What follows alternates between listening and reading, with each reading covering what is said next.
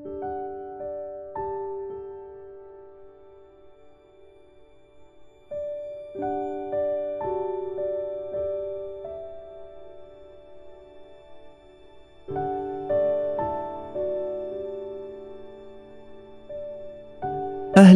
برفقاء الحياة.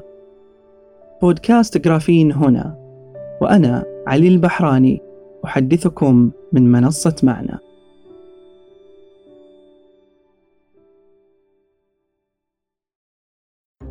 كم مرة طلعت سلك الشاحن وحصلته متشابك على بعضه؟ أساسا كم مرة بحثت عن الشاحن؟ لأن بطارية الجوال لا تصمد سويعات بسيطة حتى تتحول أيقونة البطارية للون الأحمر فتقوم قيامة صغرى وسباق زمني مدته ثوان للوصول إلى سلك الشاحن لتلقاه متلملم على بعضه وكأنه هارب من عقد الحياة إلى عقده الخاصة. لحظتها تتمنى أن تحل اللعنة على كل أسلاك العالم ما سمك منها وما نحف. تتمنى لو في طريقة تشحن الجوال أو اللابتوب بدون أسلاك. أن يعمل التلفاز المكيف والثلاجة دون أن توصل أي منها مباشرة بمأخذ الكهرباء في الجدار. أن تتخلص من كل التوصيلات والأسلاك اللي تتعثر فيها بمكتبك أو منزلك. هنا يجدر بي أن أقول لك أن تنتبه لما تتمنى. فالإنترنت اللي نستمتع فيه ونعيش خلاله موصل حول العالم بأسلاك ضخمة ممتدة تحت الأراضي والبحار. من خلالها يتم نقل المعلومات. لكن فكرة نقل الكهرباء لاسلكيا فكرة مش بطالة. حقيقة هي كانت محط نقاش وتطلعات منذ بداية تطور إنتاج الكهرباء.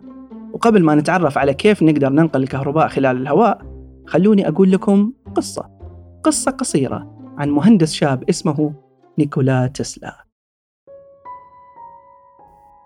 ولد نيكولا تسلا عام 1856 في قرية صغيرة حاليا تعتبر جزء من كرواتيا. أبوه كان قسيس وأمه وبالرغم أنها لم تحظى بأي تعليم أكاديمي إلا أنها كانت ماهرة جدا في التعامل مع الآلات وكانت تتمتع بذاكرة صورية قوية. بدأت مسيرة تسلا كمخترع مبكرا أثناء عمله في المكتب المركزي للتلغراف في بودابست. أظهر من صغره اهتمام بالهندسة. وبالرغم من جهود أبيه لجعله قسيس إلا أنه قبل بأن يكمل ابنه الهندسة في جامعة النمسا. كان لامعا في الجامعة ومتفوق. لم يواجه صعوبة بإيجاد عمل في حقل الهندسة الكهربائية في بودابست. مهاراته وعلمه في هذا المجال شدت أنظار شركات الكهرباء في باريس وألمانيا.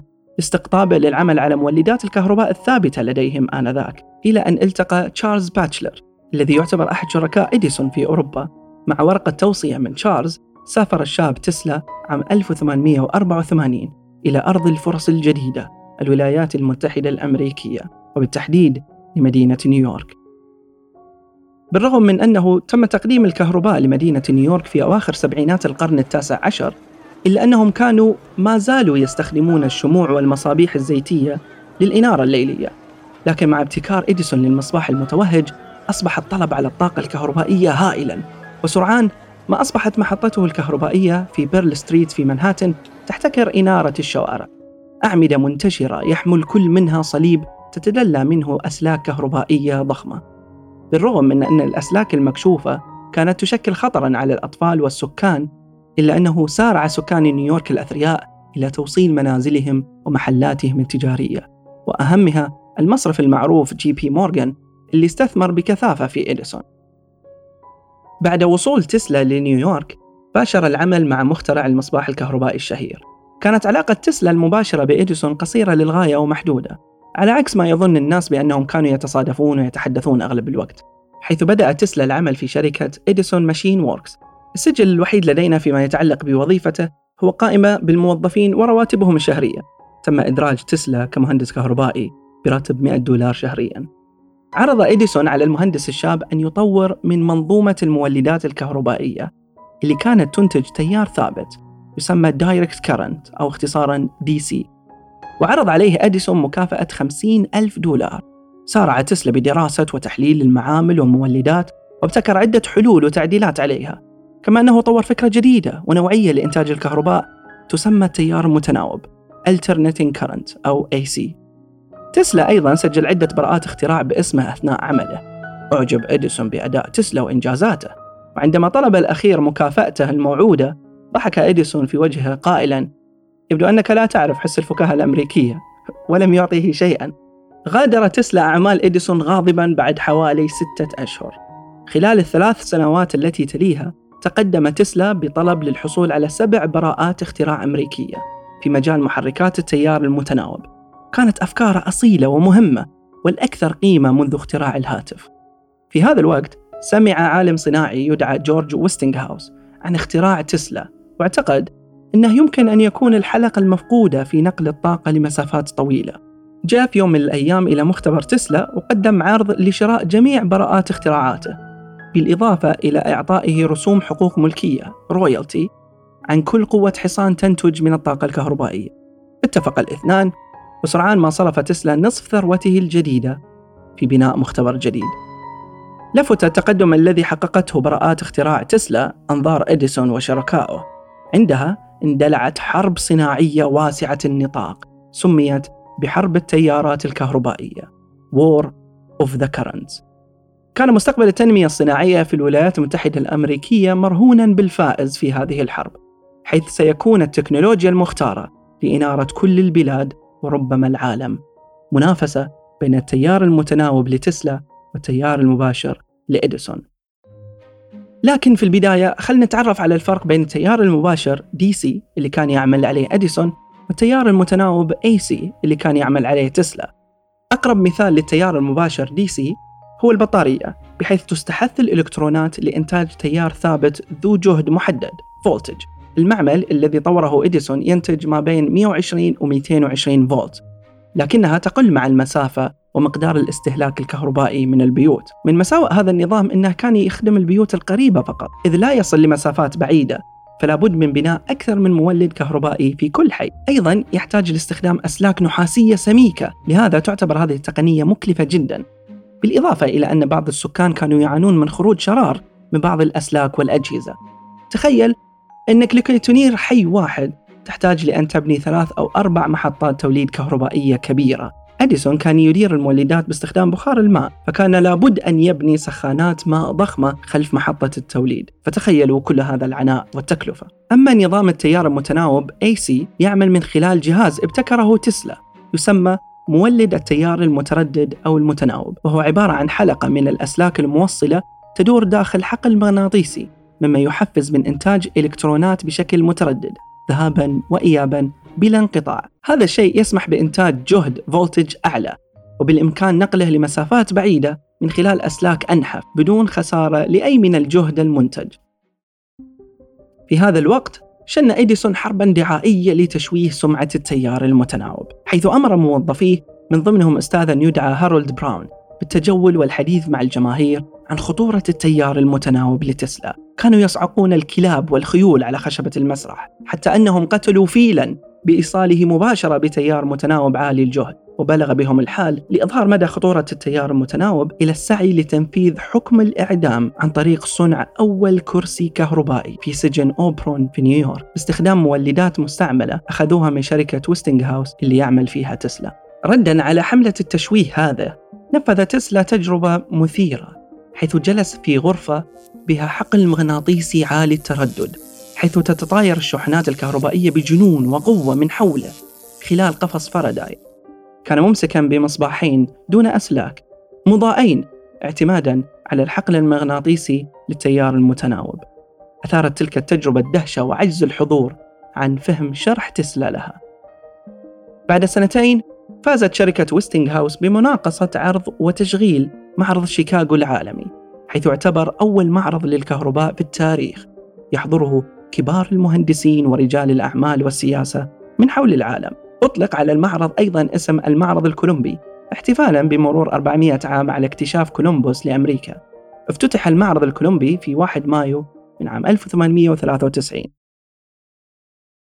في ذلك المساء قام رئيس المعرض بضغط زر واحد ليضيء مئة ألف من المصابيح المتوهجة. التي أنارت جميع المباني الكلاسيكية على أرض المعارض لتشع كمدينة النور وسط ظلمة ذلك القرن. كانت مدينة النور هذا من إنجاز تسلا وويستنغ هاوس بالنسبة لمن حضروا المعرض كان من الواضح بشكل كبير أن المستقبل للتيار المتناوب AC من تلك الليلة كان أكثر من 80% من جميع الأجهزة الكهربائية في الولايات المتحدة تطلب التيار المتناوب لتسلا. من بعدها توقفت الحرب ما بين تسلا وأديسون حيث بان الفائز للملأ. كانت هذه الحقبة أيضا صعبة ماليا بالنسبة لشركة ويستنغ هاوس فطلبت الشركة بشكل مؤقت من تسلا أن يتم وقف الرسوم المستحقة التي تدفع له لقاء حقوقه الفكرية. أجابهم تسلا بأنه مزق الأوراق وأنه تنازل عن جميع حقوقه لإنقاذ الشركة. كان تسلا سعيدا بأن شخص مثل جورج ويستنغ هاوس آمن به وأعطاه الفرصة التي لم يعطيها له أحد من قبل. بعد فترة عصيبة وفي أواخر عام 1893 منحت ويستنغ هاوس عقد إنشاء محطة توليد الكهرباء عند شلالات نياجارا وهي شلالات ضخمة تقع شمال الولايات المتحدة على حدودها مع كندا. جاء العقد نتيجة لمنافسة عدة شركات من بينهم شركة جنرال إلكتريك التي انضم إليها أديسون مؤخرا. لجنة شلالات نياجارا الدولية على رأسها كان اللورد كلفن عالم الفيزياء البريطاني الشهير. كان معارضا للتيار المتناوب مثل مثل إديسون. حتى حضر معرض شيكاغو وشاف إنجاز تسلا. فتحول رأي كلفن ولجنته إلى التيار المتناوب. فرست المناقصة على شركة ويستنغ هاوس اللي استخدمت بدورها قوة دفع مياه الشلالات إلى تدوير توربينات ضخمة لإنتاج تيار متناوب بشكل متواصل لتنير أجزاء رئيسية من البلاد. الجدير بالذكر أنه في عام 1976 تم بناء تمثال لتسلا مطل على هذه الشلالات الضخمة تخليدا لذكراه في إنجلترا أثبت العالم ماكسويل رياضيا أن الضوء يعتبر إشعاعا كهرومغناطيسيا. أي أن الضوء عبارة عن كهرباء تهتز بتردد عال للغاية. بعدها أكد العالم هيرتز في ألمانيا بشكل تجريبي أن الشرارة الكهربائية تنشر موجات كهرومغناطيسية في الفضاء. حددت هذه الاكتشافات موجات الراديو وأثارت تكهنات حول إمكانيات جديدة للكهرباء. بدأ تسلا تجاربه ذات التردد العالي من خلال بناء مولدات تعمل بسرعات أعلى. ثم ابتكر بعدها جهاز لا زال يعرف حتى اليوم باسم تسلا coil أو ملف تسلا. يمكن لهذا الجهاز أن ينتج ترددات عالية جدا ذات جهد ضخم. باستخدام هذه الترددات العالية استطاع تسلا إضاءة مصباح لاسلكيا حيث قام بنقل الكهرباء عبر الهواء. كانت هذه بداية هوسه في نقل الطاقة لاسلكيا بعدها قرر تسلا الانتقال إلى مدينة كولورادو سبرينغز عام 1899 لينشئ معملا لتجاربه على التيارات العالية الجهد والتردد. أدى افتتان تسلا بنقل الطاقة اللاسلكية خلال الفراغ لفكرة بناء برج مرتفع جدا بحيث يتم إرسال شحنات كهربائية خلال طبقات الغلاف الجوي العليا. لكن تجاهل تسلا الأدلة المتزايدة على عدم فعالية مخططه وأبرزها عجزه عن العمل على مسافات طويلة مما أدى إلى إخفاقات متواصلة.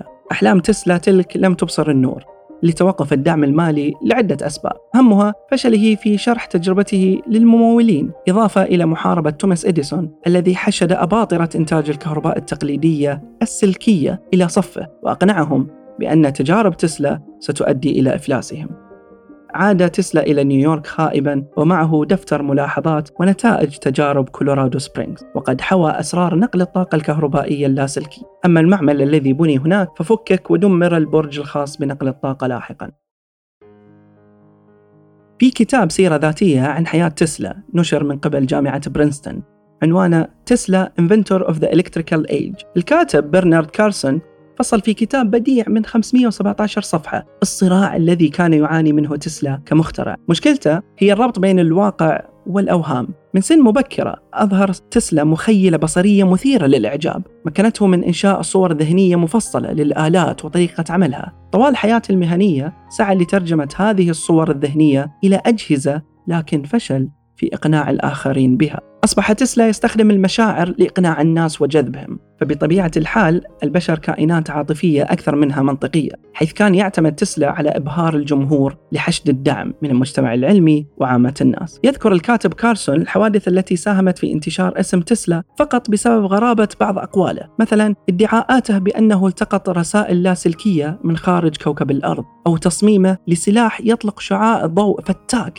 يستطيع إسقاط عشرات الطائرات دفعة واحدة. شبيه بما نعرفه اليوم بالليزر. حديث الكاتب عن الغموض الذي كان يحوم حول تسلا ذكرني بالفيلم الرائع The Prestige للمخرج كريستوفر نولن الذي بمساعدة أخيه جوناثان كتب النص مستوحى من رواية بنفس الاسم نشرت عام 1995 الفيلم من بطولة هيو جاكمان كريستيان بيل وديفيد بوي الذي لعب دور نيكولا تسلا. الفيلم جسد تسلا على أنه شخص غامض يستطيع أن يخترع أشياء غريبة باستخدام الكهرباء من ضمنها الانتقال من مكان لمكان آخر باستخدام الطاقة الكهربائية. الفيلم فني وجميل جدا. بعد عودة تسلا لنيويورك بدأ المخترع دوامة بطيئة وثابتة في الانحدار فكلما كانت نظرياته أكثر تعقيدا كذلك كانت تكلفة المعدات اللازمة لاختبارها. حاول بناء برج آخر أكبر وأطول سمي ببرج تسلا عبارة عن برج خشبي مرتفع تعتليه قبة حديدية ضخمة. من المقرر لها نقل الطاقة خلال الهواء إلى مسافات بعيدة. أقنع تسلا رجل الأعمال جي بي مورغان في البداية ليدعمه بمبلغ 150 ألف دولار مقابل 51% من أي أرباح. سرعان ما خسر تسلا الأموال وفقد حصة الأغلبية من عمله. توقف الدعم المالي لمشاريعه وفي بداية الحرب العالمية الثانية تم هدم المختبر الغير مكتمل لأن السكان المحليين كانوا يخشون أن يستخدموه الجواسيس الألمان كمحطة بث. بالرغم من غموض وأوهام تسلا. هل مفهوم الكهرباء اللاسلكية تعتبر وهم وخيال؟ الفكرة مشابهة لما يحدث عند نقل معلومات عبر موجات الراديو. لكن الصعوبة اللي تواجهنا أثناء نقل الطاقة الكهربائية أننا نحتاج إلى عشرات الآلاف من الفولتات ذو الجهد العالي.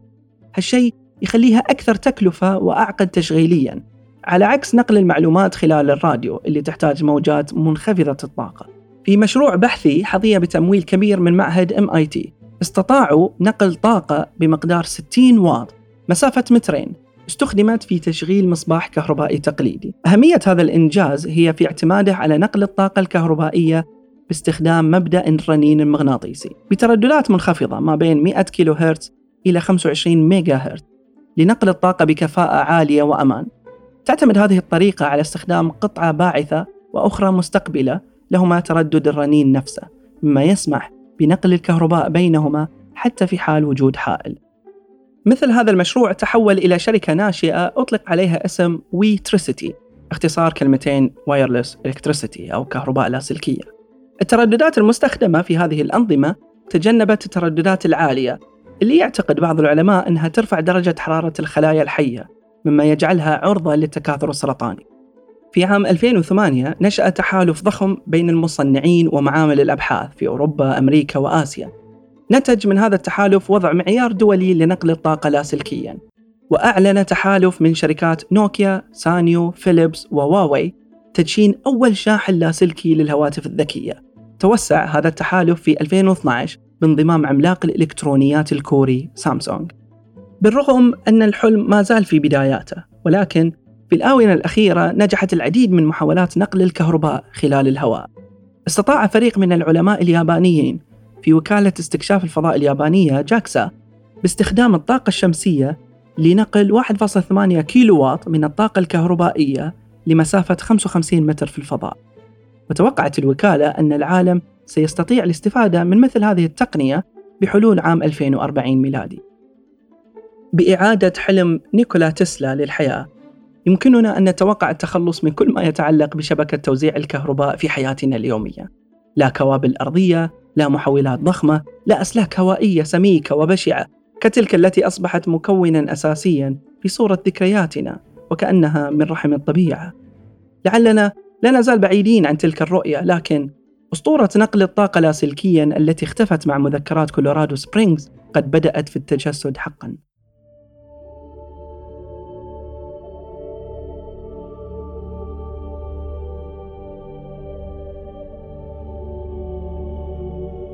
مع توقف الدعم لأعمال تسلا في نهاية حياته قضى سنواته الأخيرة في عزلة ووضع مالي ضعيف.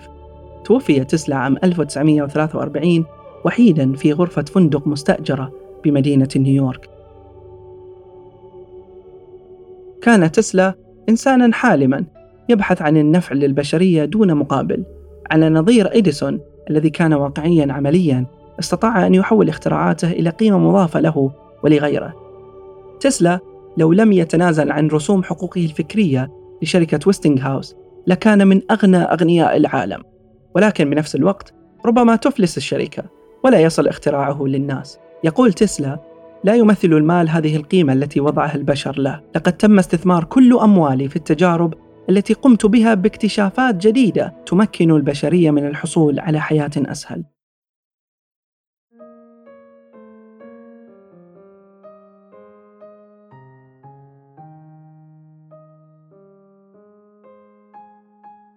هنا رسالة للجميع.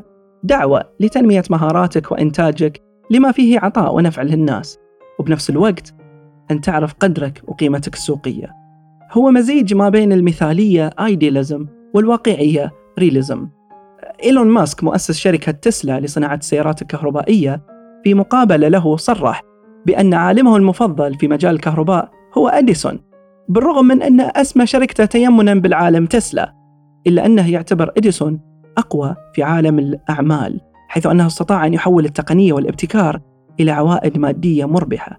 وهالشيء اللي طبقه إيلون ماسك نفسه في خلال شركاته كلها كانت عنده تطلعات تسلا الحالمة المبتكرة التي تصنع للمستقبل ونظرة إديسون إلى عالم المال والأعمال.